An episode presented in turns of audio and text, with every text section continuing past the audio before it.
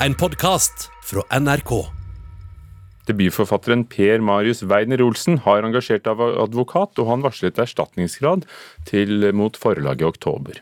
Tidligere denne måneden kunne NRK fortelle at forlaget brøt samarbeidet med ham da det kom frem at han hadde en straffedom han ikke hadde sagt noe om. Forlaget opplevde dette som et tillitsbrudd fordi de mente at tematikken i romanen og dommen var overlappende. Advokaten mener forlaget ikke hadde godt nok grunnlag for å heve avtalen med ham. Både det faktum at de urettmessig har hevet avtalen, og også måten de har gjort det på, har eh, for å si det kort og godt eh, skapt en hel del problemer for ham, som vi nå har tatt opp med dem.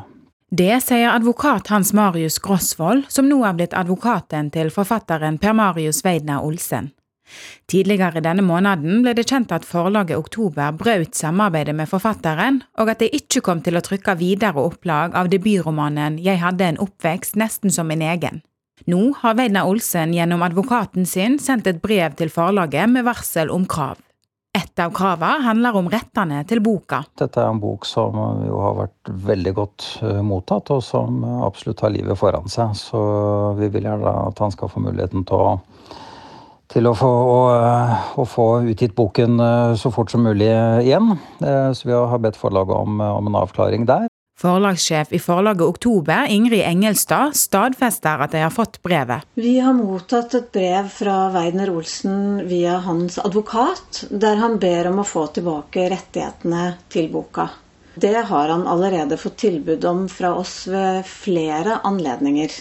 Han vil få svar fra oss på brevet som er sendt. Utover dette kan ikke vi kommentere offentlig den dialogen vi har med forfatterne. Det andre varsla kravet handler om økonomisk erstatning for potensielle tap av inntekter. Han går utvilsomt øh, glipp av en hel del øh, royalty-inntekter nå, ettersom forlaget ikke har trykket flere eksemplarer av boka. Den er utsolgt, og nå står øh, jula for dør. og Dette er en bok som sannsynligvis hadde solgt svært bra nå frem mot jul, og, det, og de inntektene de taper han nå. Kontrakten rommer også en agentavtale med Oslo Literary Agency. Dette kunne ha sikra en sal i utlandet. Hvor de nå da også har, eh, har sagt opp den. Resultatet av det er bl.a. at han ikke fikk en eksponering i, eh, i, Frankfurt under bokmessa der. Og det er jo også noe som høyst sannsynlig har påført ham et, et eh, potensielt svært stort tap. Og det syns vi det er naturlig å ta opp med forlaget. Heidi Austlid er administrerende direktør i Forleggerforeningen, som Oktober er medlem av. Hun mener det er klokt av forlaget å vise handling. Det som er spesielt med denne saken, er at den gjensidige informasjonsplikten som både forfatter og forlag har, den mener forlaget at her er brutt. Altså det er et tillitsforhold som er brutt. Og da gjør forlaget en etisk vurdering i etterkant som, av en utgivelse som de kanskje ville ha gjort før utgivelsen om de hadde visst. Og det mener jeg er klokt at forlaget gjør nettopp det. Reporter Ida Yasin Andersen. Nordisk råds filmpris i år går til den norske filmen 'Barn', skrevet og regissert av Dag Johan Haugerud. God morgen og gratulerer. Tusen takk. Dette skjedde på Island i går, da Nordisk råds priser ble delt ut. Men det var veldig få som var der, eh, av naturlige årsaker. Veldig få reiser for tiden. Eh, dette begynner å bli en vane, Dag Johan Haugerud, at du sitter her i Nyhetsmorgen og forteller om uh, filmen 'Barn'. Først da den kom i september i fjor, og så da den fikk den store, verdens største i penger i hvert fall, filmpris i Gøteborg uh, som beste nordiske film uh, tidligere i, i, vinter. Hadde du trodd at filmen din skulle gripe så mange? Nei, det ante jeg ingenting om. Det håper man jo alltid, selvfølgelig, at man skal nå ut bredt.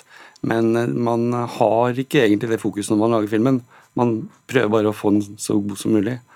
Og hvis det da blir på en måte en effekt av det, at mange ser den, så er jo det ja, kjempegledelig. Den hadde premiere på filmfestivalen i Venezia. Mm. Juryene har likt den. Mm. Føler du at den har nådd frem til folk også? Til mange nok mennesker?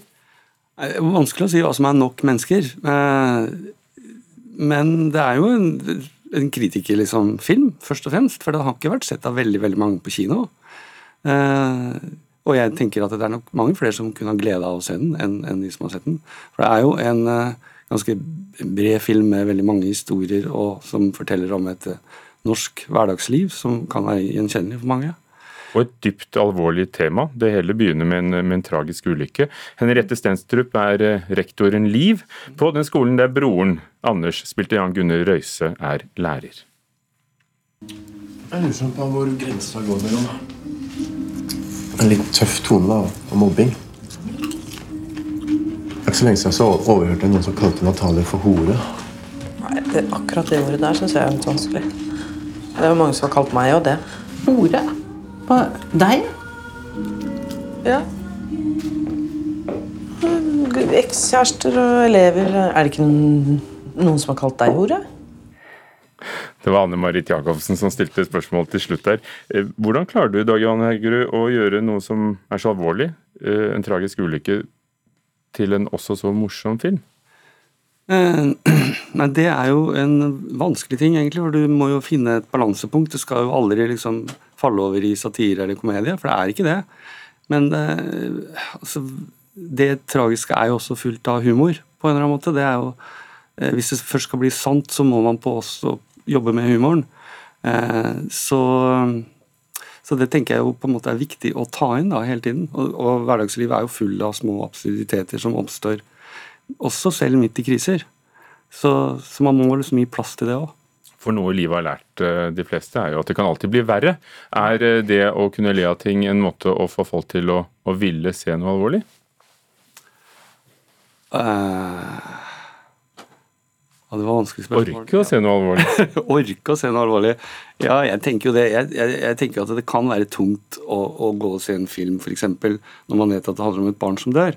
Eh, så Derfor er det jo også viktig liksom, å, å, si det at, det er, eh, at dette også er fortalt med humor og uh, mye alvor. Og jeg tror egentlig at det man sitter igjen med, ikke er den store følelsen at man har sett noe helt sånn overveldende trist og vondt og fælt, eh, men mer at man kanskje har fått noe å tenke over. Det er jo det jeg vil med filmen. Det er portrett av, av Hverdags-Norge, kan ja, vi si det sånn? Ja, på en måte er det jo det. ja.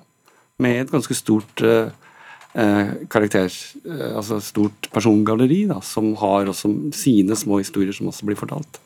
Kjærester, lærere, mødre, døtre. Mm. Jeg glemte å si at dere fikk ni Amanda-priser også for denne filmen, Barn. Hva slags liv har den hatt? For Den begynte jo i kom i september i fjor i Norge, men, men, den kom jo, apropos Norden, siden du får Nordisk råds filmpris, så kom den jo like før pandemien da, i, i Sverige og Danmark. Ja. Hva slags liv har filmen fått? Ja, nei, på grunn av det så fikk den jo relativt kort liv der. Den er jo i distribusjon der fremdeles og kan sikkert ses på strømmetjenester der også. Men den gikk jo ikke veldig lenge på kino der, fordi de stengte jo ned.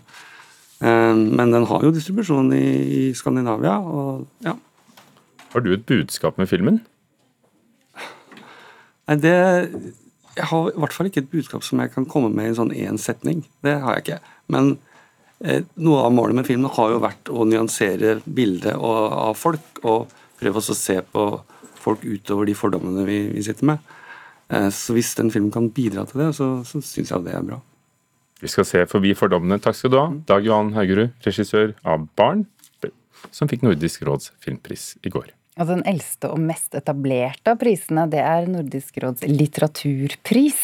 Den ble delt ut første gang i 1962, og denne gangen var det 13 nominerte bøker. Og for dem som ikke allerede har fått det med seg, litteraturkritiker Marta Norheim, hvem fikk den prisen? Det var eh, Monica Fagerholm, finlandssvensk, eh, for romanen 'Hvem dødade Bambi'? Og for de som husker tilbake igjen til eh, punken på 70-tallet, så vil kanskje Sex Pistols eh, eh, 'Who Killed Bambi' klinge litt med i, i den tittelen. Og det er en kort og brutal historie i denne boken. Ja, det handler om en gruppevoldtekt blant barn i skole, eller ungdommer i skolealder. Eh, og det er jo alvorlig nok. Eh, det er jo mye alvor både i filmene og i, bøkene som eh, er nominert og som vinner denne prisen. Men det er veldig lite om selve voldtekten. Det meste er liksom presentasjon av disse guttene, det er fire gutter det er snakk om. Presentasjoner det er på forhånd, hvem er de, hva slags familier, og ikke minst i ettertid, for det er der det på en måte smeller skikkelig, fordi at Eh, foreldrene Dette er et litt pent strøk. Eh, foreldrene vil dysse det ned. Tre av guttene vil dysse det ned. Én vil eh, gå til politiet og melde fra om dette her. Eh, og det som er spesielt, er at heller ikke offeret ønsker at dette skal bli politianmeldt, for hun har fått lovnad om masse penger fra foreldrene for å holde dette nede. Og Da får du jo noen spørsmål. altså, Har du plikt til å si ifra om et brotsverk? Har du rett til å sone når du føler at du trenger det? Skal du gå imot offerets vilje? Og det er mange sånne spørsmål som må tumle med, samtidig som det òg er et klasseperspektiv, for denne jenta er ifra et lavere klassenivå, holdt jeg på å si, hun er en fattig jente. Det er også den verste av mødrene. Så her går tingene på kryss og tvers. Marta Norheim, du har lest alle de 13 eh, nominerte bøkene. Var dette en verdig vinner? Ja, det var en verdig vinner. Unnskyld. Det var en verdig vinner. Eh, det var en av de tre bøkene jeg tenkte kunne vinne prisen i år. Eh, hun har vært nominert før. Hun er en etablert forfatter og en dyktig forfatter. Hun tar opp et uh, vanskelig tema på en original måte. Hun har sin helt egne sound. Bruker mye poptekster, som vi så, og drømme, drømmeaktige sekvenser. Setninger som blir brutt av. Liksom. Du kommer inn i en helt egen sone når du kommer inn i hennes bøker, så det var en verdig vinner. Jeg vet at du mener at eh, Nordisk eh, råds litteraturpris er en viktig pris. Hvorfor det? Ja, jeg mener alle de nordiske prisene er viktige. Altså, Norden er jo naboene våre og kommer til å være fortsatt også. Så, og, og, eh, det er greit å kjenne naboen sin.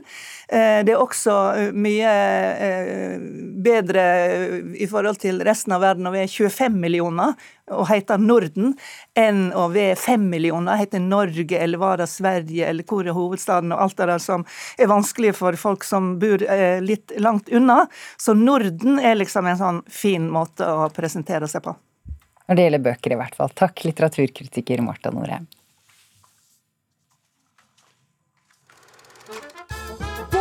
year ago, I released movie film which brought great shame to Kazakhstan. Borat-filmen eh, nummer to, som kommer kom i forrige uke med den britiske komikeren Sasha Baron Cohen, har vakt reaksjoner. Vi har hørt om noen av dem, og nå kommer det flere. Reporter Emily Louise Millan Eide, hvem er det nå som har fått Borat i vrangstrupen? I Borat-filmene så møter skuespillere ekte personer, og det er som en slags hybridfilm. Og Det er disse møtene som får flere av deltakerne i filmen til å reagere, for de har ikke fått vite at eh, de er med i en Borat-film. Og På ekte Borat-vis skaper skuespiller eh, Baron Sasha Cohen kaos når han lurer vanlige amerikanere og offentlige personer. En av dem var jo Trumps advokat Rodi Giuliani, som vi hørte om sist uh, i forrige uke. Som ble lurt opp i en seng på et hotellrom med, en ung jente, og, og, sier at det var helt forståelig. Men, men, de som blir lurt, hvordan kan de være usikre på hva de har vært med? Altså, har de ikke øyne? I rolla som Borat så har skuespiller Cohen på seg forskjellige kostymer for å ikke bli gjenkjent. Uh, og f.eks. i en av scenene der flere statister er samla på et ball, danser Borat med dattera si Tutar, som er 15 år, eh, men er spilt av 24 år gamle Maria Bakalova.